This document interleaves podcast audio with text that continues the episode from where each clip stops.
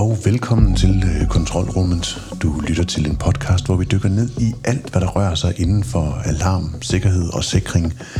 Bag den her podcast, der står vi. Vi er Christoffer Randsby, og, som er uddannet elektriker, og han har efterhånden mere end 13 års erfaring som montør af alarm- og sikringsløsninger. Så er der mig. Jeg hedder Gorm Branderup og er egentlig uddannet fotojournalist. Til daglig der driver vi 360 iWorks APS, og i dag der skal vi forsøge at føre dig sikkert igennem denne her podcast, hvor vi håber at kunne gøre dig klogere på konkrete produkter og trends på markedet inden for mekaniske og elektroniske låse, kameraovervågning, software, togsikring, alarm og adgangskontrol. Så kontrolrummet er egentlig for dig, som beskæftiger dig med installation af sikkerhed professionelt, eller det kan også være dig som indkøber enten til det private eller til erhverv. Det kunne også være, at du blot er nysgerrig på, at det der sikkerhed egentlig er for en størrelse – i hvert fald så vil jeg byde dig velkommen til det her afsnit, som er optaget i Aarhus. Vi har pakket studiet og taget op til øh, DBI, Brand og Sikring, øhm, ude i Aarhus Vest, en af de fire afdelinger, der er i Danmark. Overfor mig der sidder Jesper Florin. Øh, velkommen til. At du er øh, flink at prøve at præsentere, hvem du er og hvad din rolle er i DBI. Jamen, øh, til dagligt der er jeg øh, afdelingsleder i sikringsafdelingen ved DB, og samtidig så har jeg den fungerende rolle som sikkerhedschef. Det vil sige, at jeg står for, med ansvaret for den fysiske sikkerhed og beredskabsplanlægning hos DBI også.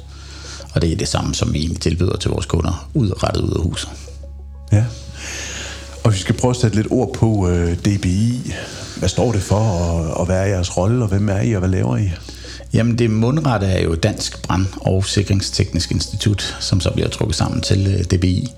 Øh, øhm, har eksisteret i over 100 år, hvis man går helt historisk tilbage til, hvor kommer DBI egentlig fra.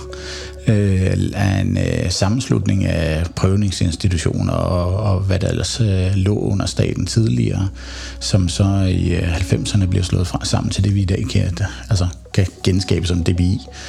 2001 øh, køber vi øh, Nusa op i øh, Frederikshavn og øh, kobler ind i sikring på Dansk Brandteknisk Institut, og til det så bliver det, vi kender i dag. Øh, og derfra der er det kun øh, vækstet øh, til øh, den størrelse, vi har i dag, hvor vi er cirka 320 øh, fuldtidsansatte og arbejder inden for den brede man sige, det brede øh, aspekt af brandsikkerhed, øh, sikring af liv og værdier, og sikringssiden, som er så er fysisk sikring, både øh, højsikkerhed og øh, den almindelige bløde øh, sikring, kan man sige, rejsesikkerhed og hvad der ellers ligger derinde og gemmer sig. Og der er jo, altså der er jo virkelig mange ting, og vi har siddet her øh, og lavet et lille forinterview, og jeg skal prøve sådan at holde en, en tråd igennem det hele. Øhm, jeg kunne godt tænke mig at dvæle en lille smule mere ved øh, DBI og, og, og de ting, som der bliver øh, udbudt igennem det. Og øh, der, der er helt sikkert en hel masse forkortelser, som vi i hvert fald skal prøve at folde ud for, for lytteren, sådan, så vi har dem godt og trygt med i hånden hele vejen. Mm. Jeg ved også, at der er rigtig mange af vores lyttere, som kender lokationen op i Frederikshavn, fordi de højst sandsynligt på et eller andet tidspunkt måske har siddet på skolebænken deroppe jeg har blandt andet selv været deroppe og, og, og taget noget TVO og noget projektering deroppe. Øhm, skal vi prøve at starte med at, at folde nogle af de her forskellige uddannelser ud, både inden for sikring, men også for brand, og se, hvad det er, I, I, I tilbyder den vej rundt? Jamen det kan vi jo godt, øh, og hvis vi starter øh, med kan man sige, den sikringstekniske øh, det uddannelse, så øh, er det jo sådan i dag, at øh, en lang hovedpart, eller største hovedpart af, de sikringsteknikere, der bliver uddannet i Danmark øh, på et eller andet tidspunkt i deres erhvervskarriere, jo møder det vi, øh, enten fra de starter på de grundlæggende AA1 og 2, altså automatiske indbrudsalarmeringsanlæg, øh, eller de bare har et netværksmodul hos også øh, til at de skal være projekteringsansvarlige i en virksomhed.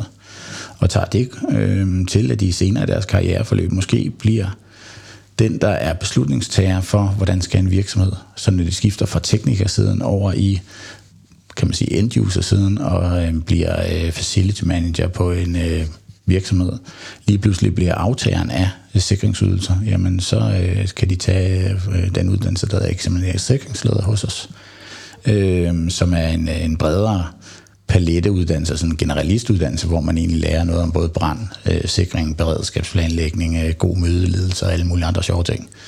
Så, så vi har, øh, kan man sige, på den sikringstekniske øh, side øh, en, en karrieremulighed for, for sikringsinstallatøren, øh, teknikeren, op til at man sidder og være, kan man sige, end-user, øh, beslutningstager på, bag et skrivebord. Og det samme gør sig egentlig gældende over på, øh, på brandsiden, hvor det mere er på rådgiversiden, at vi har uddannelse i ABA-anlæg og brandsætninger og hvad der ellers er, som bliver brugt af installatørerne i hverdagen øh, til at opfylde de krav, der ligger kan man sige, til brandtekniske installationer. Og så har vi så nogle, nogle funktionsuddannelser, som bygger ovenpå, hvor den største af dem er den, der i dag hedder CFPA Brand. Øhm, og CFPA, det er en europæisk organisation af 21 medlemslande øh, i Europa, hvor man har sagt, at her kan vi uddanne inden for det samme område.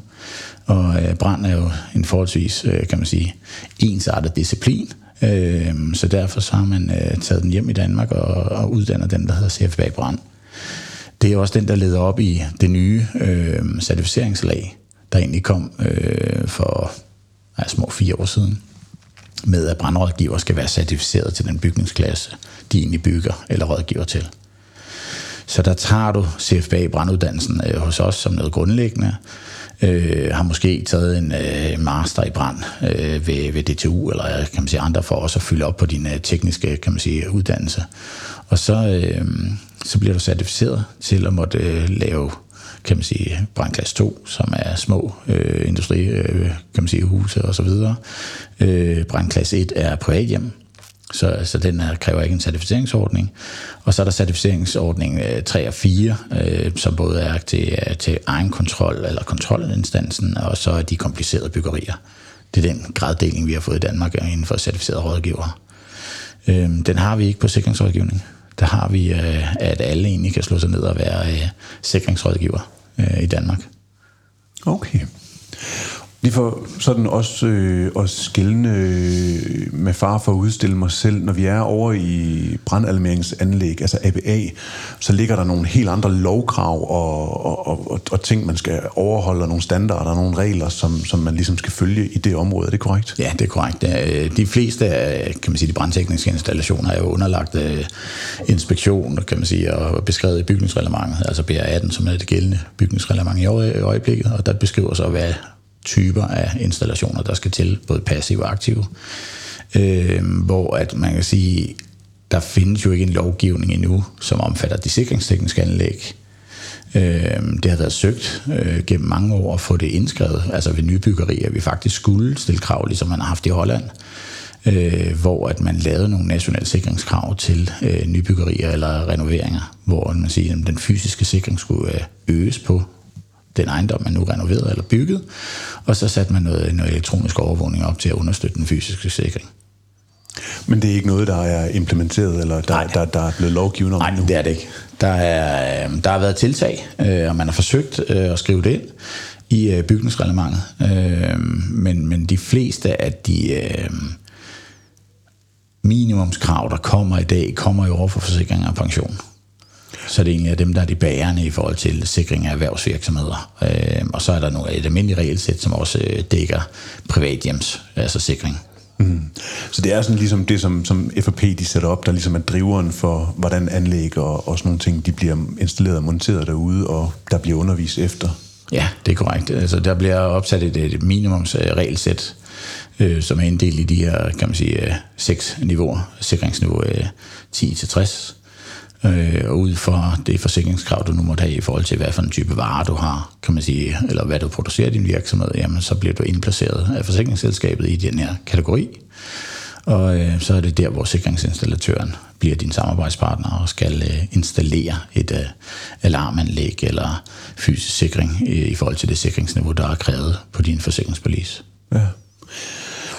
Og så for lige at vende lidt tilbage til dig, Jesper. Hvad er din øh, baggrund egentlig for at sidde som øh, sikkerhedschef og afdelingsleder for forsikringsafdelingen i DBI? Jamen, øh, helt øh, tilbage uddannelsesmæssigt, så er jeg uddannet elektronikmekaniker i øh, forsvaret, øh, og øh, forlod forsvaret tilbage i øh, 2004 øh, for at arbejde med, øh, med, med terrorberedskab inde på Statens Serum Institut. Øh, og øh, i 2012 tænkte jeg, at øh, det der DBI, de laver nogle spændende ting. Øh, så jeg søgte egentlig derud efter at sidde og lavet fysisk sikring inde øh, på Statens Serum Institut. øh, og blev ansat som rådgiver derude. Så øh, der har jeg været siden. Jeg havde 10 års jubilæum øh, sidste år. Tillykke. Jo, tak. Øh, og øh, overtog formelt, øh, kan man sige, afdelingslederansvaret øh, tilbage i 15, øh, forsikringsafdelingen. Ja. Er du så også ude og, og undervise på forskellige kurser, eller hvor, hvor møder man dig henne i, øh, i DBI-regi? Man møder mig øh, som oplægsholder øh, på kurser, konferencer. Øh, man møder mig også øh, praktisk. Øh, jeg har også støvlerne på stadigvæk, selvom jeg er afdelingsleder, så øh, er jeg stadigvæk ude at løse øh, sager, stadigvæk i mindre omfang. Øh, ellers så møder man mig... Øh, primært på det strategiske niveau, altså kan man sige, hvor vi snakker øh, RFA-udvekslinger, øh, netværksfunktioner og, og hvad der ligger i det. Ja. Det er, det er sgu en spændende størrelse, det her Jesper. Jeg spiller lige sådan en kort lille skiller her.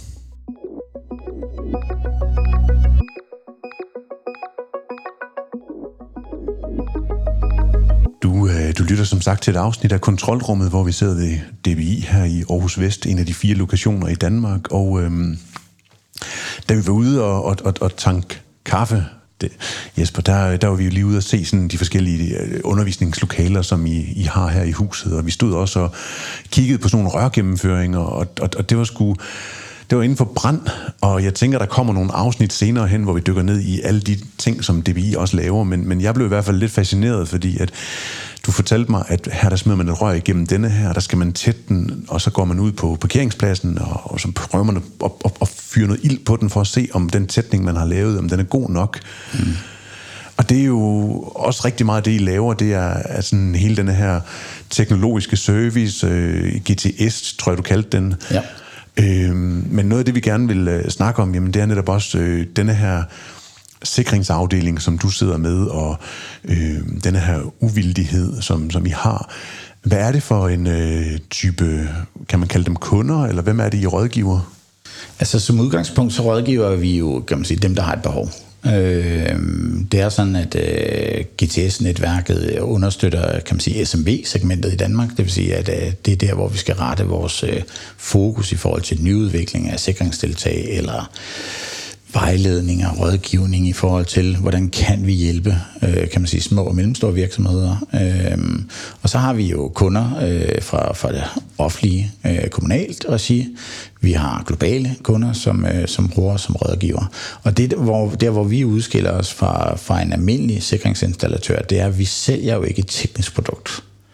Så det vil sige, at vi går ud og laver en risikovurdering, vi projekterer måske sammen med kunden det pågældende anlægstype, der, der nu skal bruges, og så går vi ud måske, hvis kunden ønsker det, at lave en udbudsforretning sammen med kunden, finder øh, tre produkter, som måske kan opfylde kundens ønskebehov, og anbefaler til kunden, hvad er det så, de har muligheder med de her ønsker, vi har fundet.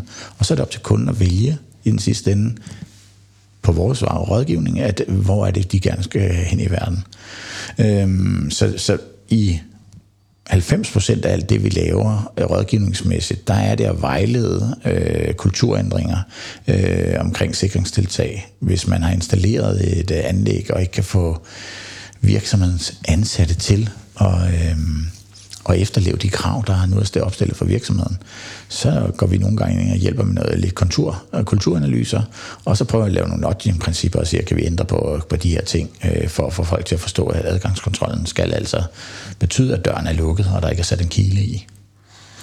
Så I går helt ind på det der helt lavpraktiske niveau og, og, og kigger og rådgiver og, og hjælper til med at, at, at få lavet den bedst mulige anlæg til, til kunden? Ja, vi, vi starter normalvis på toppen, som øh, vi ønder og kan man sige, komme ind på det strategiske niveau. øh, for at få en accept af det arbejde, vi går i gang med at lave med virksomheden nu, det er ikke noget, der er blevet bestilt ned på kan man sige, det praktiske niveau. Øh, og hvorfor siger jeg det? Jamen det er, fordi på det praktiske niveau kan vi godt have et ønske om noget. Men den, der sådan set ejer risikoen, det er enten direktøren eller bestyrelsesformanden, og det er dem, der skal beskytte og tage nogle beslutninger om, at vi skal øh, kan man sige, allokere nogle midler til øh, nye sikringstekniske anlæg, eller vi er begyndt at producere noget nyt med et nyt risikobillede. Det vil vi gerne have afdækket først, for det kan godt være, at vi skal have mere eller mindre teknisk overvågning eller fysisk sikring øh, for at imødekomme kundekrav eller krav for... Øh, det kunne være udenlandske myndigheder eller danske myndigheder for, for den sags skyld, i forhold til det, den ydelse, vi leverer til dem. Ja. Så, øhm, så, så er det bestyrelsen, eller kan man sige øh, direktøren, som egentlig er vores øh, hjørnesten. Og når han eller hun har sanktioneret, at det her det er den vej, jeg gerne vil, jamen så udmyndter det så gerne en beskrivelse af, hvad er det så for en type projekt, vi skal. Og så er det, vi går ned til det praktiske niveau og siger, hvordan bruger vi så det her i hverdagen? Jamen det øh, ønsket er, at vi gør sådan, sådan, sådan. Vi har den her type medarbejdere. Vi har åben 24-7, eller vi har kun åben 8-16. Okay. Har vi forsikringskrav med ind over, eller er det kun, kan man sige, virksomhedens eget ønske? Og så skal de også kobles til øh, den rådgivning, vi giver. Så vi opfylder forsikringsniveauerne, hvis de er i øh, spil her, eller vi følger sikringsniveauerne, men vi har egentlig ikke et forsikringskrav. Fordi det kan også være løsningen for at sikre, at den installatør, der kommer ud, forstår, hvad er det for en type anlæg, vi ønsker hos den her kunde. Og så er det nemmere at lægge sig op af de forsikringskrav, øh, kan man sige, øh, lag, der er lagt, og bruge dem i hverdagen. Fordi så kan sikrings, øh, kan man sige, installatøren genkende sig selv i den ordning, de nu er certificeret indenfor. Ja. Og er det fordi, at den rådgivning, som en installatør vil komme med, vil være mere farvet i en retning af nogle produkter, eller hvad er det, der gør, at, at, at I øh, kommer ud til, til kunderne først? Jeg tror, at installatørens rådgivning kan i øh, stor udstrækning være, være ganske glimrende og korrekt. Men installatørerne øh, har jo også et fokus på, at kunden kommer og ønsker om et sikringsniveau, lad os til 30S. Og allerede der, der har kunden fortalt installatøren, hvad er det, jeg ønsker fra dig. Kunden er ikke eksperten, det er installatøren, som har sin certificering og sine kurser. Øhm, og ud fra den, der definerer man jo, hvordan skal anlægget så se ud. Det vil sige, at der skal bruges nogle åbningskontakter, der skal bruges noget øh, mod gennembrydning. Øh, vi skal have overvåget 20 varer, og der er nogle krav til nogle fysiske låse og alle de andre ting. Øhm, og der er mange installatører, øhm, ikke at de er for travle, men de ved jo, hvad det er, kunden ønsker. Og de ved, det er 30S. Så hvorfor bruge tid på egentlig måske at forstå kunden til at starte med, fordi så kommer spørgsmålene efterfølgende, når vi skal sætte forholdsordre og alle de andre ting i drift. Jamen, hvordan ser du så? Hvem er det, vi skal ringe til? Øhm, og, og der kunne mit ønske godt være måske, at man, man, man måske satte sig ned med kunden, og så prøvede at afdække kunden lidt, lidt, lidt bredere. Jeg siger ikke, at man skal ud og lave en stor risikovurdering, men man kan godt lave kan man sige, en afdækning af kunden, øh, også med fokus på risiko, øh, således at sige, jamen, det jeg løser for dig nu, det er et forsikringskrav. Er der noget andet, jeg skal tage med med det samme? Og det er der selvfølgelig kan man sige, en stor del af installatørerne, der, der gør. Men mange øh, mindre firmaer har jo ikke, kan man sige, nødvendigvis ekspertisen til at gøre det. Men, men det vil være ønskeligt, at de faktisk er afdækket, således at de fik et bedre kundeforhold. Øhm, så vi bedre forstår kundens ønsker og behov kontra forsikringskravene. Ja. Og derved kan vi måske få en, en, en bedre blivende forretning, men samtidig også beskytte virksomheden bedre og de ansatte, der, der måtte færdes på virksomheden. Ikke? Jeg tror, du gav et eksempel på en øh, produktionsvirksomhed, det her med risikovurdering, hvor at, at de måske har nogle emner, de producerer i metal, og det er inden for en varegruppe, som man skal, man skal passe på, og derfor laver man det her anlæg, som er dimensioneret til det, hvor du sådan sagde, jamen der står jo måske også nogle råvarer herover, som også kan have en værdi, og hvad sker der, hvis de ligesom øh, forsvinder? Jamen det, det kan jo så betyde noget, noget tabt øh, produktionsmuligheder øh, og nogle ting. Det kan betyde noget, noget, noget nedetid, ikke? Ja. Fordi hvis vi kigger på, at hvis jeg har en uh, produktionsanlæg, uh, hvor jeg har sat uh, 30 S op for at beskytte mod teori af, lad os bare sige, metalprodukter. Uh, hvis nu jeg har et, en, en supply chain, der siger, at vi har et ekstern lager, som ingen har tænkt med ind i den her løsning, så kan et simpelt spørgsmål fra, fra installatøren sige, jamen hvor opbevarer du egentlig dine råmaterialer, inden de kommer ind i lagerhallen? Nå, vi har et fjernlager, som ligger 300 meter ned ad vejen, hvor vi kører ned og henter det. Når man skulle vi så ikke kigge på at måske at få sambygget de anlæg, eller vil du gerne have det splittet op, eller hvordan skal vi egentlig beskytte det her ned også? Ned til den sidste ende, hvis du er en, en større virksomhed og siger, jeg har en fast leverandør af mit råmateriale, og jeg bruger 30 S hos mig, men ude hos mine øh, kan man sige, gode samarbejdspartnere, der er faktisk ikke noget anlæg. Og der er heller ikke noget fysisk sikring, det har jeg set hver gang jeg kommer ud. Men skulle jeg så ikke prøve at lave en, en aftale med, at han beskytter det materiale, jeg skal aftage, på samme niveau, som jeg gør? Mm.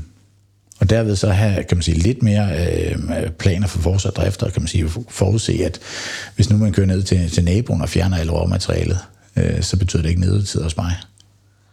Så, og, det, og det ser vi i større udstrækning med, med de store globale virksomheder, at man, man lægger de øh, krav ned, som man, man har internt i en større virksomhed, det bliver lagt ind i kontrakten.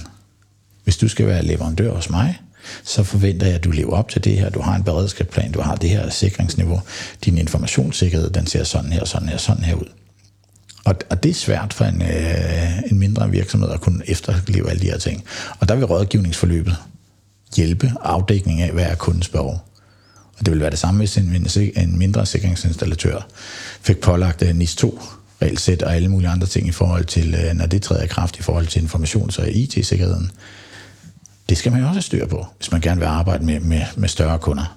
Og det er en kritisk infrastruktur, kan man sige, i virksomheden. Jamen, så skal jeg overholde de her krav, for at få lov til at levere en ydelse til dig. Ja. Så, der, så der er masser af muligheder for at udvikle sin egen forretning, ved at kan man sige, afdække kunden bedre. Øh, men der er også en masse muligheder ved at kan man sige, have de rigtige kurser, øh, have de rigtige certificeringer, øh, arbejde inden for NIS 2, når den træder kraft i 24, øh, og så sige, jamen vi er compliant. Brug nogle af de ordninger, der ligger derude allerede til at understøtte små og mellemstore virksomheder. Eller søge nogle af de øh, IT-sikkerhedspuljer, hvor man kan få øh, 50-100.000 til at forbedre sin øh, IT-sikkerhed i virksomheden. Og så kan man få rådgiver, eksterne rådgiver til også at komme ud og hjælpe. Så, så der er masser af muligheder for at et, gøre kunden mere klar over, hvad er det jeg som øh, sikringsfirma kan hjælpe dig med. To, hvordan kan jeg bedre øh, selv også styrke kan man sige, min konkurrenceprofil. Så jeg kan godt konkurrere med, lad os sige, nogle af de store, med, med 50-100 ansatte, fordi jeg egentlig har styr på min, øh, min virksomhed også. Ja, så man kan sige, hvis man, hvis man som lytter af det her afsnit her, så er det i hvert fald det her med at gå ind og måske stille mere øh, dybere spørgsmål og få et tættere øh, bånd til sine kunder og få dækket deres behov og komme mere ned i øjenhøjde og forstå deres behov øh, tidligere i, i, i processen. Øh, du nævnte også det her med, jamen, øh, omkring en ADK, altså en adgangskontrol, hvor at man måske har en virksomhed, der arbejder i treholdsskift. Ja, den den, den måde at, at sætte det til på, jamen den burde måske være bygget op på en anden måde, end at den sidste mand han gør det, men det måske sker på et tidsskema i stedet, fordi at, så er man sikker på, at det bliver sat til. Så jeg tænker rigtig mange af de øh, øh, ting, du kommer med her, bygger jo selvfølgelig på rigtig mange folks erfaringer, og, og det er jo så dem, I også går ind og rådgiver omkring. Øhm, og noget af det, som jeg også godt kunne tænke mig at, at, at dykke lidt ned i her, jamen det er de her forskellige komponenter og enheder og ting, som vi står derude og, og, og skruer op øh, på, på virksomheder. Er det ikke rigtigt, at I har... Øh, dem i hånden også nogle gange, fordi at de har mulighed for at gå ind og lave test på dem og, og se, om de overholder nogle forskellige krav, eller hvordan er det? Jo, vi, vi gør gerne det, at øh, vi, vi prøver at sætte os ind i, øh, i de øh, systemer, vi anvender eller rådgiver til, til kunden. Der, øh, der vil vi gerne have, kan man sige, et prøvet dem. Øh, to, have en snak med, med leverandøren i, hvad er egentlig begrænsningerne? Fordi mange gange, når, øh, når vi går ud og kan man sige, øh, tilbyder øh, x antal systemer, jamen, så er det os, der er garant for at det, jeg tilbyder, det opfylder egentlig kundens behov. Så derfor øh, så, så sidder vi gerne sammen med, med, med leverandører, øh, producenter, øh, og har nogle dialoger omkring øh, specielle typer af, det kunne være TVO-anlæg, hvor vi siger, jamen hvad er så udfordringen med det her anlæg? Og i og med, at vi spørger som, som en udvildig, så spørger vi ikke, kan man sige, salgsbetinget. Øh, vi spørger ikke for at, kan man sige, at, at sige, så kommer du ikke med. Vi spørger for at få begrænsning i. Øh, nogle gange så sætter vi øh, et, øh, kamera op hos kunden øh, over en periode og tester, se om det egentlig opfylder det, det, det skal. Andre gange så er det hjemme hos os selv øh, i Hvidovre, hvor vi, vi laver test, om det er en dør, vi tester, eller om det er, øh, hvordan øh, knuses en rude, øh, hvordan opfører den sig, hvis vi bryder op på den, hvordan, øh, hvornår reagerer åbningskontakten, øh, når vi bryder på en rude, eller knuser, øh, kan man sige, glasset, når vi slår øh, på øh, beton, øh, hvornår reagerer den seismiske detektor egentlig i forhold til det arbejde, vi laver. Så vores rådgivning rettet mod kunden har en praktisk prøvning, prøvning kan man sige, for at rådgive kunden bedre, for at sige, der er de her begrænsninger. Hvis du gerne vil bygge det her, eller anvende den her teknik, jamen så får du det her med. Så det er simpelthen for at finde de der specifikke udfordringer og få dem skåret fra, som måske ikke løser opgaven bedst muligt. Ja, og kan man sige, egentlig, egentlig fjerne den, i stedet for at komme tilbage senere og så sige, hov, nu havde der så med været indbrud, og øh, vi havde ikke forudset, at øh, indbrudstyven ville gøre sådan her. Øh, så vil vi hellere kigge på, jamen, kan vi allerede inden sige, jamen alt det historiske, hvor man, hvad, hvad typer af indbrud er der foregået, hvad ser vi trendmæssigt, øh, hvad får vi meldt ind øh, af syns- og skønsager, øh, således at, at vi kan se, jamen der er en trend i Danmark, som bevæger sig den her vej over. Og der er det jo sådan med, med lovgivning og regelsæt, at det er sjældent, at de når at tilpasse sig med den trend, der egentlig udvikler sig. Og så man siger, jamen hvis vi kan forebygge og bruge en anden type detektor her, selvom det ikke er krav, så kan vi måske forebygge, at, at den her type af indbrud eller øh, beskyttelsen af en indkørsel, jamen, at, at, den, at der egentlig er taget højde for den allerede. Ja, og det er fordi, at I har jo også ved DBI denne her øh, tætte samarbejde med FOP, Forsikring og Pension, hvor at hvis der sker nogle forsikringssager, jamen så hjælper I også forsikringerne, øh, hvad hedder, forsikringsselskaberne med at se, mm, er det foregået på denne her måde her, som, som øh, politiet de måske er kommet frem til, og de her enheder, som så er blevet brugt her, jamen, er de blevet monteret korrekt? Så I går jo også, I har også en, en, en del af DBI, hvor I går ind og kigger på det arbejde, som installatørerne og montørerne har lavet. Ja, på, vi, på vi kører både, øh, jeg skal lige sige, at, at kan man sige, arbejdet ligger hos forsikringsselskaberne, altså det er der, vi har relationen. Okay, undskyld. Ja. Øh, fordi FP sætter regelsættet. Ja. Øh, tak. Men, men øh, øh, når vi arbejder med forsikringsselskaberne, øh, hvis der nu har været et indbrud, og man er i tvivl om, om øh, sikringsinstallatøren har lavet sit arbejde rigtigt nok, og installationserklæringen øh, fortæller, hvad det er, der er installeret, øh, så bliver vi spurgt om at komme med vores vurdering af de faktiske faktiske installationer, har man det rigtige dækningsniveau, øh, sidder detektoren korrekt, øh, virker den korrekt, er der andre udfordringer, kan man sige, udløse eller udlæse en log, øh, for eksempel fra, øh, fra centraludstyr, eller gå til kontrolcentralen og kan man sige, få øh, det data, der er modtaget, og så op, kan man sige, lægge det op på bordet i forhold til den type indbrud, der nu øh, kan man sige, er, er anmeldt, og så sige, kan vi detektere indbruddet på det rigtige tidspunkt, eller kunne vi ikke detektere indbruddet? Gå ud og kigge på opbrudsmærkerne. Passer det øh, med, kan man sige, den type værktøj, som man, man forventer? Og al den øh, vurdering, vi laver der, jamen det giver vi til forsikringsselskabet, så vurderer de jo egentlig, om øh, du er fuldt dækket, øh, rent forsikringsdærmæssigt, eller om øh, her, der, øh, der vil vi reducere din præmie, fordi at øh, du ikke har opfyldt de betingelser, der er. Eller vil vi måske gå regressmæssigt efter øh, installationsfirmaet, fordi vi mener, at det faktisk er dem, der bærer en del af ansvaret her. Og det er jo det, hvor installationserklæringen skal være med til at hjælpe firmaet, altså installationsfirmaet, til at sige, vi har gjort og installeret efter 30S, hvis vi bliver ved med at holde fast i den og jeg har gjort det her og det her og det, og jeg har, når jeg har lavet service, så har jeg informeret kunden om, at de har foretaget ændringer, og der er en detektor, der er måske, øh, kan man sige, blændet ud ved at have sat en reol op foran. Skulle vi ikke fylde den her reol og forført det her service log, hvor vi egentlig siger, at jeg har gjort anlægsejer, altså kunden, opmærksom på, at han faktisk ikke har fuld dækning til den dag, hvor det går galt. Det er jo kæmpe arbejde. Hvad var det, du sagde? I var omkring 320 mand i DBI, ja. som, som, som sidder fordelt rundt i hele, på fire afdelinger og forskellige lande og, og, og hjælper med at, at kigge efter øh, alle de her ting her, og for selvfølgelig forskellige hvad hedder sådan noget, positioner i, i, i virksomheden. Ja, altså vi har, øh, i min afdeling er vi øh, 19 øh, ansatte, 320 i, øh, kan man sige, hvis vi tager alle hovederne. Øh, og så har vi selvfølgelig vores undervisere oppe i Frederikshavn også, som også vil kunne virke øh, i det her skønsniveau, øh, fordi de går og underviser i, i de tekniske anlæg dagligt. Øh, så derfor har en stor indsigt i, hvad er det, vi underviser? Hvad er det, vi forventer, installatøren kan? Så, øh, så det kan de også bidrage med i, øh, i en skøn sag.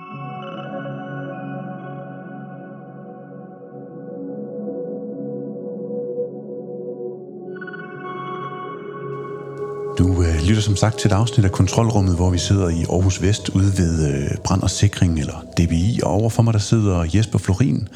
Og vi er i gang med at skabe et øh, afsnit af Kontrolrummet, som gerne skulle inspirere dig til at, at se, hvordan at, at, at markedet inden for alarmsikring og sikkerhed, det ligesom flytter sig rundt. Og øh, der er vi taget ud til det her uvildige øh, institut for brand og sikring, og overfor mig der sidder Jesper som sagt.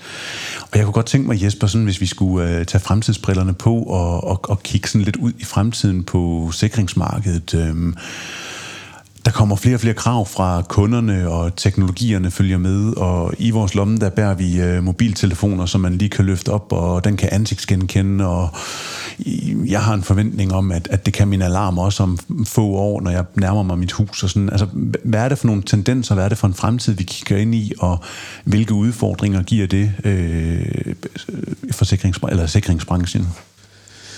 Jamen, jeg tror, altså vi kigger jo ind i en, øh, en, en rivende udvikling, selvom nogen føler, at den, den går træ. Men hvis vi kigger tilbage på, på detektorsiden, så har den jo ikke flyttet sig markant over de sidste mange år. Øh, den, den detekterer stadigvæk, og så måske med en lille twist, øh, kan man sige en persons varme og så videre, hvad der går rundt i et lokal, hvor man kan sige, jamen, hvad kan jeg opnå med et kamera? Kamerateknologien har jo flyttet sig markant fra bare på de sidste 5-10 år, hvor vi er gået til, at øh, vi kan detektere brand, røgudviklinger, vi kan detektere personers øh, kan man sige, varme, vi kan bruge øh, AI til at sige, om du smiler på kameraet kamera udtryksmæssigt, er du glad, er du sur. Øh, vi så under corona, at, øh, at de her ansigt, øh, ansigtsgenkendelsesstationer lige pludselig skulle tage højde for, nu var det ikke bare, at du havde ændret med et skæg, nu havde du faktisk en fysisk maske på. Så det er en markant ændring, altså til at, at man kunne sætte det op som et parameter også til adgangskontrollen, og så sige, at kameraet kigger på, og Jesper en maske på, der var han skal, det har han ikke. Ergo, han får ikke adgang. Vi havde også øh, de her øh, heat-seeking stations, så man kunne sige, at Jesper står foran, han viser sin pande, han har feber. Han kommer ikke ind. Og vi begynder at optage en masse data på de her stationer. Øh, og når, når man kigger øh, udviklingsmæssigt, så er der ingen tvivl om, at, at tv-overvågning bliver en større integreret, integreret del af vores øh, overvågningssystem. Øh, vi ser nu de her adgangsgivende øh, ansigtsgenkendelsesstationer, som tidligere var, var forbeholdt øh, datacenter, hvor man sagde, at det er høj sikkerhed, irisgenkendelse og alle mulige andre ting, hvor man nu kan få øh, ansigtsgenkendelse som, som en komfortløsning til, at øh, jeg bærer noget i hænderne. Øh, jeg kan bare bruge mit ansigt som, som en adgangsgivende. Jeg behøver ikke en brik, øh, som er kode. Det er mit øh, ansigt, der er det bærende. Øh, men samtidig så kommer det til at udfordre, når en medarbejder siger, at du må ikke bruge mit ansigt rent GDPR-mæssigt. Så skal vi til at, at, at vælge at tolke som virksomheden, jamen betyder det så, at du faktisk ikke kan være ansat? Selvom jeg gerne vil have din tekniske viden? Eller vil vi acceptere, at, ved du hvad, det respekterer jeg, du får et adgangskort. Mm. Og jeg tror, vi kommer til at se sådan en, en lidt diffus løsning, fordi vi skal jo respektere, at der, med den rift, der er medarbejdere i dag, så er det nok de færreste medarbejdere, der siger, så kan du ikke være ansat. Så vil nok hellere sige, jamen, så går vi tilbage til, at vi printer et adgangskort med dit billede på, øh, og så lægger vi din chip derind. Eller vi bruger NFC-chippen i øh, den udleverede arbejdsmobil øh, som, som dit adgangsmedie. Og så bruger den i stedet for. Men, men, men vi har en, en større forespørgsel på, på komfortløsning, altså bruge ansigt til at komme, øh, kan man sige, nemt ind i virksomheden. Og så kan det godt være, at man kombinerer det med speedgates, altså den, den fysiske sikring, og så siger, det er åbent. Og det øjeblik, jeg detekterer et ansigt, som jeg ikke kender, så lukker så den egentlig er vendt om til at sige, at døren er lukket, viser ansigt. Jeg åbner dørene til at sige, der er åben, vi er imødekommende. Nu kom der et ansigt, vi ikke kender, så lukker vi ned. Så, så den tekniske løsning øh, er, er kommet for at blive. Øh, men samtidig skal vi også gøre os selv øh, opmærksom på, at når vi gør os afhængige af automatik, så gør vi os egentlig mindre, kan man sige, så bruger begrebet resiliente, fordi når teknikken fejler, hvad er det så, vi gør? Jamen, så vil jeg gerne have en vagt. En vagten har vi sparet væk, fordi vi brugte ny teknik. Og det vil sige, så har vi lige pludselig ikke den adgangskontrol, som vi øh, måske regner med, at vi vil have. Og så kommer vi igen tilbage til sikringsinstallatøren, serviceaftaler, øh, og kører ud og siger, jamen jeg har 8 timers reaktion på nedbrud på anlæg. Det vil sige, at jeg forventer, at der kommer en tekniker, der løser mit problem, således at mit ansigtsgenkendelsessystem kommer op og kører igen. Så jeg igen kan overholde de krav, der måtte være stillet af lovgivningsmæssigt, kunder eller af andre ting. Så, så udfordringen med at bruge IoT-enheder i, kan man sige, den mere digitale verden og bruge AI og så videre, jamen vi skal også bare hele tiden huske på, hvad nu når den fejler. Ja. Hvordan løser vi så, kan man sige, der er jo stadig en lås i døren. Ja, er der så det, hvis vi valgte at køre den over på en eller anden, kan man sige, øh, manuel IoT-lås eller eller andet, hvor den krævede noget netværk, som også var forsvundet samtidig med, at vores eh, tv-overvågning forsvandt. Har vi så en virksomhed, der egentlig står åben? Så, så vi er, øh, teknologisk er vi på vej over i komfortløsningerne mere, men vi skal stadig have den sikringstekniske del med. Altså, når en dør er låst, så skal en dør være låst. Jeg ved ikke, hvorfor mine tanker de lige flyver ud, men det er jo også det podcast, det kan, fordi vi er jo også i, i et... Øh, i en virkelighed, en verden nu her, hvor at, at, at øh, der bliver snakket om, at, at, at vi måske ikke kan levere strøm nok til, til bygningerne, til danskerne, til at vi bliver nødt til at lukke hele det jyske ned, eller hele det sjællandske ned, fordi at, at, at øh, hovedforsyningsårene, de måske ikke kan, kan levere det, de kan. Hvad betyder det for, for, for de forskellige øh, ting, der sidder ude i, i virksomhederne, og, og, og, og tror du, de er opmærksomme på, at der også er en risiko forbundet med, med, med det? Altså nu siger du det her, jamen er det kodet sådan, at når strømmen den går, forbliver det så lukket, eller åbner det så? Altså hvad er det for nogle udfordringer, der kan, der kan være? Men jeg tror, det er, det er jo en, altså en kæmpe udfordring, som man egentlig har taget hånd for, eller prøvet at imødegå ved at sige, at vi har backup-batterier på langt de fleste af vores systemer. Øh, men, men som udgangspunkt, så øh, sidder backup-batterierne jo på øh, dit AA-anlæg og, og venter på, at du har et nedbrud på forsyningsspændingen, og så slår batterierne ind og så giver det dig x antal timers drift, fordi det har vi jo projekteret. Samme gør adgangskontrolsystemet, hvis vi har backup på det, så giver det dig x antal timers drift på øh, x antal døre osv. Men hvis nu du øh, ikke har været øh, skarp øh, og sagt, okay, vi har lavet 10 ekstra døre, vi har stadig den samme batterispænding, så trækker vi lidt hurtigere på batterierne. Og det vil sige, at, at vi risikerer måske, at øh, vores adgangskontrol den går død lidt før. Og har man så taget en beslutning og sagt, at vi fjerner alle låscylinderne, så skal man også tage en beslutning om, hvad er det så, døren den skal gøre, når den går strøm, altså når strøm forsvinder. Skal den være strømløs åben, eller skal den faktisk være låst? Så, så det, det er helt klart en udfordring, og hvis vi kigger på, øh, på øh, brownout, når, hvis vi skal bruge det begreb øh, omkring at det her med at lave planlagte nedlukninger af, af kan man sige, områder i Danmark, Øh, største udfordring set fra mit perspektiv er jo, at øh, hvis vi har backup-strøm i batteriform, som bare sidder og lader på anlægget, kan man sige, til hver dag, og øh, vi får en nedlukning af et område, lad os sige to timer, så bruger vi jo to timers batteridrift. Og så vil vi jo normalvis sige, at så bliver anlægget genetableret, og vi står og lader. Men hvis nu Energinet Danmark eller lokal forsyningsselskab vælger at sige, at en time senere, det var sgu ikke nok.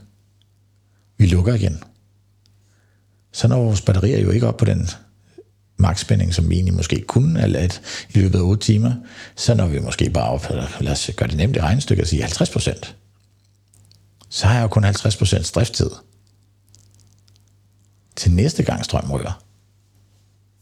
Og lad os sige, hvis vi havde et længere vejende strømnedbrud, lad os sige 8 timer, så langt de fleste altså, altså sikringstekniske anlæg jo, kan man sige, have drænet øh, batteribackupen. Øhm, og så får du strøm tilbage, og alle er glade, og så går der en time, så falder strøm igen. Mm. Lige pludselig så virker de sikringstekniske anlæg ikke. Og så opfylder du ikke forsikringsbetingelserne. Så ved jeg godt, at vi kan påråbe sig force majeure og alle mulige andre ting.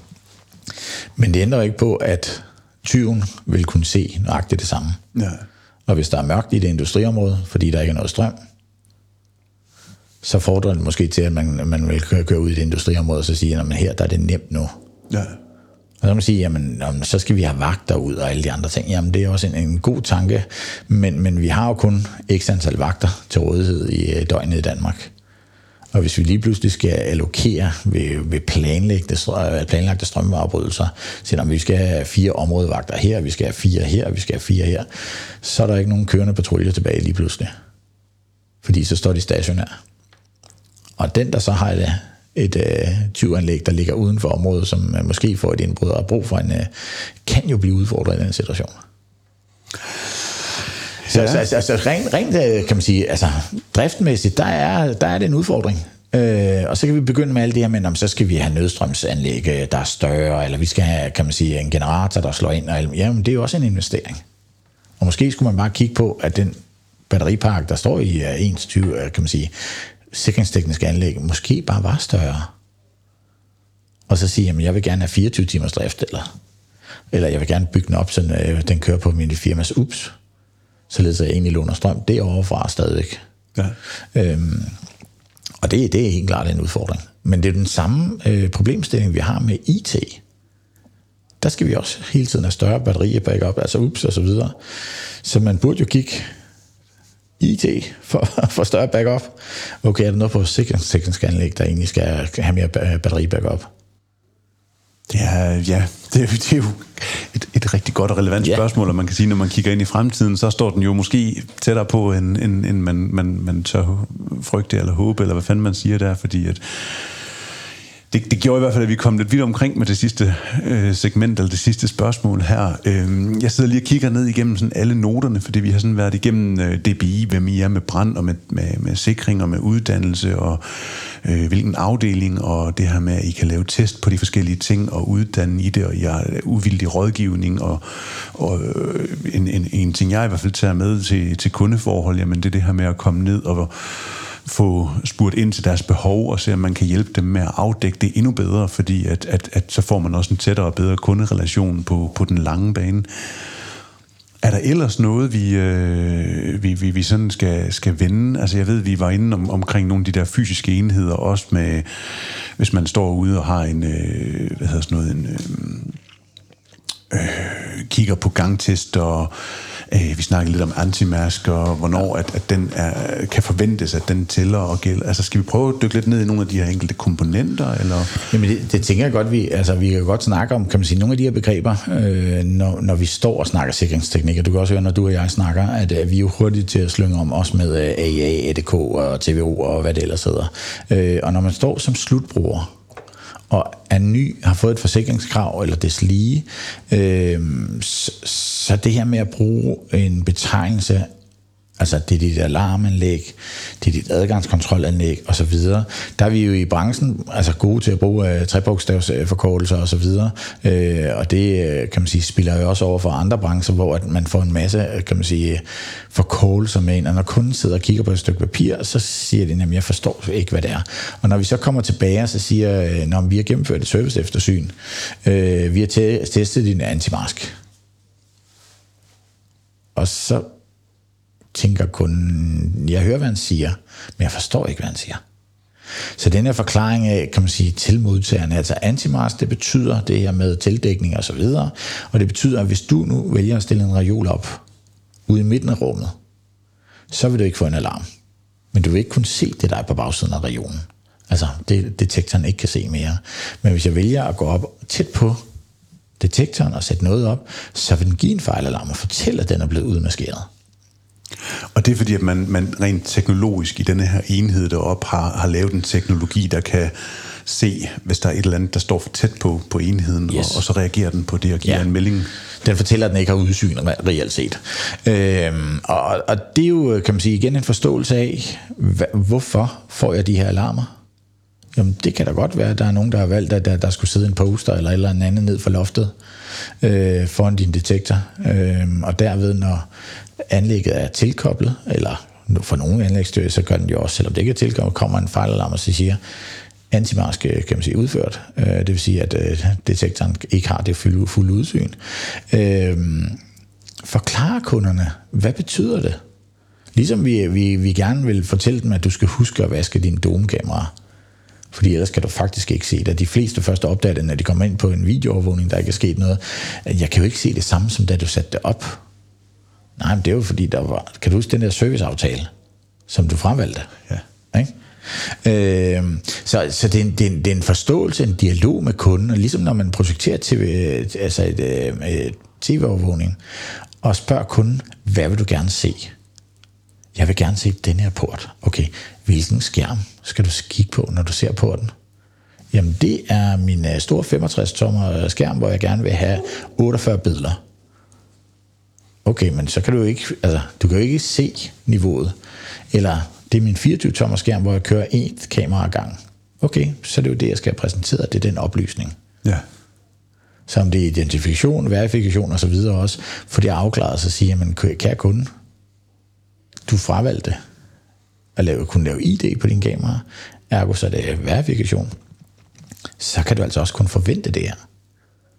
Og jeg vil jo ønske, at alle øh, tv, kan man sige, montører, altså dem, der render og sætter kamera op, øh, havde en, øh, en papfigur, eller en silhuet, som de brugte til at fortælle kunden i kamera, øh, kan man sige, i viewet, sagde, det er hvad du kan se. Det er den type nummerplade. Det minder mig faktisk om, da jeg sad i Frederikshavn på, øh, på kurset derop. Øh, jeg kan ikke huske, hvad underviseren han hed i projektering af TVO, der hævde han sådan en øh, okular ting frem, hvor at man kunne se det udsnit og dreje på den, så man kunne se brandviden på, øh, på den. Og jeg gik faktisk ud på eBay og købte en, fordi at jeg kunne se den brugt, når jeg sidder i, en, i, en, i et kundeforhold og, og kan sige, jamen fint, prøv lige gå over i hjørnet her, og så prøver jeg at dreje på denne her. Det er cirka det udsnit af virkeligheden, du rent faktisk kan se. Ja. Og du vil utrolig gerne, og du se bredt, fordi at du vil gerne se hele området, men du vil også gerne se det der øh, øh, 40 meter nede ved, ved, ved porten dernede. Ja. Det vil du gerne kunne se helt klart. Jamen så prøv lige at dreje på den. Kan du se, så kan du faktisk overhovedet ikke se hele det her udsnit, som, som er bredden, du startede med, men du vil gerne se det der. Hvad er vigtigst for dig? Er det to kameraer, eller hvad er det, vi skal, vi skal lege med? Og den har været, altså det har været fantastisk, og den er meget analog og meget simpel og, og, Men det er igen, du, du får forståelsen, fordi du fysisk kan se det, ikke? Øh, og kan man sige, hvis man, hvis man virkelig vil gå all in, så øh, kan man jo købe det, der hedder en rotakin. Ja, øh, uddyb venligst. Ja, men en rotakin er jo en, øh, en, en, en silhuetfigur, hvor der er forskellige øh, farver på, og der er forskellige øh, grafiske, kan man sige, fremstillede, øh, hvad hedder sådan noget, øh, mønstre.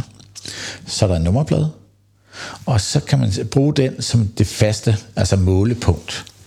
På hvilken afstand vil vi gerne kunne se. Og så har den sådan en lille motor, så du kan starte den, så du faktisk også kan få det i bevægelse. Så du kan se, hvor mange kan man sige, pictures per frame skal der egentlig til, for jeg kan se det her. Den kan man jo også bruge om natten. Ja. Og langt de fleste installationer, der bliver lavet i Danmark, hvornår bliver det sat op? Det er ved at have nogle år på banen. Ja, det er sådan, kan man sige, altså både over på dag, banen og så videre, ikke? Men, men også altså, det, det meste arbejde, vi laver på, på overvågningssiden, foregår jo om dagen. Klart, ja. Og det vil sige, at de kameraer, der bliver sat op i forhold til solens vandring og hvad vi ellers har udfordringer, til om aftenen, når der kommer, kan man sige, øh, floodlight eller kan man sige belysning på, på bygning og så videre, hvad er det så kameraet egentlig skal bruge? Jamen det skal have det her lysforhold som minimum. Vi skal stadig kunne se 40 meter. Det kan jeg ikke, fordi jeg skal have supplerende lys, eller også skal jeg sætte noget på, på huset. Den der med at forstå, jamen, hvad er det, jeg gerne vil se om aftenen? Jamen, den samme model. Kom ud og lave de samme billeder om aftenen. Og kunden vil faktisk langt hen ad vejen tænke, det er faktisk ret professionelt, at han faktisk også kommer lige og justerer om aftenen. Ja. Ja, der kan jo være en verden til forskel, også bare øh, årstidsmæssigt, om, om der er blade eller ikke blade på træerne. Altså det, Jamen også bare forståelsen for, at kunden, ja. kan man sige, mange kunder vælger jo et, som du selv sagde, jeg vil gerne have den brede vinkling af det her, til at jeg endte med to kameraer og kiggede kun 30 øh, grader. Okay, Jamen det ene kamera, det koster dig 8.000, det andet koster dig 18.000. Ved du hvad, så vil jeg gerne have dem til 8. Det du køber i begrænsning der, det du selv vælger, fordi at det er prisen, der kommer til at spille ind her. Det betyder så også, at analyse måske ikke kan man sige, er lige så dygtig og, og kan man sige, giver dig nogle flere fejlalarmer, eller du vil ikke kunne se den samme øh, farveskala om aftenen og så videre. Kære kunde, er du sikker på, at du ikke vil købe måske et andet kamera, eller den her. Jeg har set mange øh, virksomheder, hvor vi kommer ud, hvor der sidder forholdsvis mange øh, PTZ-kameraer. Ja. Men der er ikke nogen operatør til PTZ-kameraer. Hvad er så formålet? Det er jo, Jamen, det er fordi, vi gerne vil kigge flere vinkler, og vi vil gerne kunne flytte og så videre, og- den er jeg helt med på. Men hvis ikke der sidder en fast operatør til det, kunne et fast kamera så ikke, og ikke antal flere øh, faste kameraer, så egentlig løse den samme overvågning. Ja, mange gange måske også bedre, fordi ja. at bagsiden af en PTZ, den, den, den ser ikke helt det samme altid. Så det der med, at når man, når man rådgiver, kan man sige, og, og vi kommer over i de her nye, altså når, jo mere teknologi vi får, så får vi flere øh, overvågningsalarmer. Altså loitering, altså du står stille og kigger øh, øh, left object, altså du har efterladt et eller andet, eller du har removed object, eller hvad det ellers er, crossline detection og alle de andre ting, der kommer. Jo, men vi stiller flere og flere krav til, hvad kameraet skal kunne gøre, uden egentlig at kigge på, hvad det kunden har brug for. Jeg vil gerne vide, om porten er åben eller lukket, Jesper. Okay. Altså, fair nok. Ikke? Det er lige for et gammelt øh, sort-hvid kamera egentlig kunne fortælle mig, om den er altså åben og lukket. Ikke? Så, så det der med at forstå kundens behov i forhold til, øh, om det er supplerende til, til den elektroniske overvågning i forhold til FRP, eller om det er produktionsmæssigt. Vi vil gerne se, om gaffeltrukkene bevæger sig. Øh, og derved så får, øh, så får du mere end bare det sikringstekniske overvågning. Ja. Eller du har produktionskameraer, som måske kan bidrage til din tv-overvågning, men de sidder der for kvaliteten i produktionen. Jo, men den dækker faktisk også det gangareal, der er ved siden af produktionen. ja. Skulle vi ikke tage det med? Ikke? Jesper, prøv at høre, øhm, det her, det er jo et, et, et, et, altså det er jo fornøjeligt at, at snakke med et menneske, som er så vidende og så rådgivende og så åben om så mange ting. Øh, men vi begynder også at nærme os øh, nogle 50 minutter på det her afsnit her, så jeg tror, det kalder på, at vi øh, skal tilbage og, og besøge øh, enten dig eller nogle af dine kollegaer her i DBI og, og, og se, om vi kan lave nogle flere afsnit øh, med noget af al den brede viden, som, som I har. Og inden jeg sådan runder helt af, er der noget, hvor der sådan, altså, brænder på tungen for ligesom at få, øh, få sagt højt? Jeg, tæ- jeg tænker, at fremtiden bringer, at, at man er åben og ærlig øh, over kan man sige, de sikringstekniske installationer og de mekaniske sikring. Men også, at vi som øh, rådgiver og installatører øh, tilpasser os øh, den forandring, der ligger i verden omkring, øh, nu nævnte jeg resiliensbegrebet, at flere og flere virksomheder begynder at lægge sikring og beredskab og hvad der ellers måtte være ind under resiliens, således at man også forstår kunden, at hvis det er en head of resilience, der retter henvendelse, så er det måske den rigtige mand, hvor i tidligere, der har det været sådan, at det skal gerne være et øh, facility manager med security ansvar eller eller andet. Så, så verden begynder at ændre sig med nye begreber, begreber igen. Øh, når jeg underviser på eksamineret sikringsleder, har jeg også sådan en, øh, du skal lære at snakke IT-sprog, og du skal lære at snakke økonomisprog, fordi de interessenter, der spiller ind i, hvem giver dig pengene, og hvor kan jeg gå og finde nogen, jeg kan spille godt sammen med, jamen der skal du også forstå deres begreber og deres termer. Og så må vi også bare kigge ind i, at, at vi måske har et mere teknisk IT-fundet, kan man sige, uh, sikringsområde om, om 5-10 år. At, at der er meget mere IT bygget med ind i det, vi laver. Ja. Jamen øh, Jesper, lad det være ordene for det her afsnit af, af Kontrolrummet. Ja, velbekomme. Du, øh, du har som sagt lyttet til et afsnit af Kontrolrummet, som er skabt i samarbejde med Podcaster.dk. Og hvis du kunne lide, hvad du har hørt, så må du endelig ikke tyve med at anbefale os. Det må meget gerne være i den app, hvor du lige har lyttet til det her afsnit, eller jamen, send os ud til, til dine kunder, som kan lytte med og blive klogere på den verden, du begiver dig i. Fordi vi har virkelig brug for anmeldelser og feedback, og du er altid velkommen til at finde os inde på Facebook eller på LinkedIn, og øh, grib fat i os, hvis du har gode idéer til nye afsnit, som vi kan dykke ned i sammen med jer. Så skal jeg huske at nævne øh, Henrik Palke Møller, som har designet lydsiden, I har lyttet til. Og ellers så vil jeg sige tusind tak til DBI og dig, Jesper. Tak fordi du vil være her i dag. Velbekomme. Vi lyttes ved.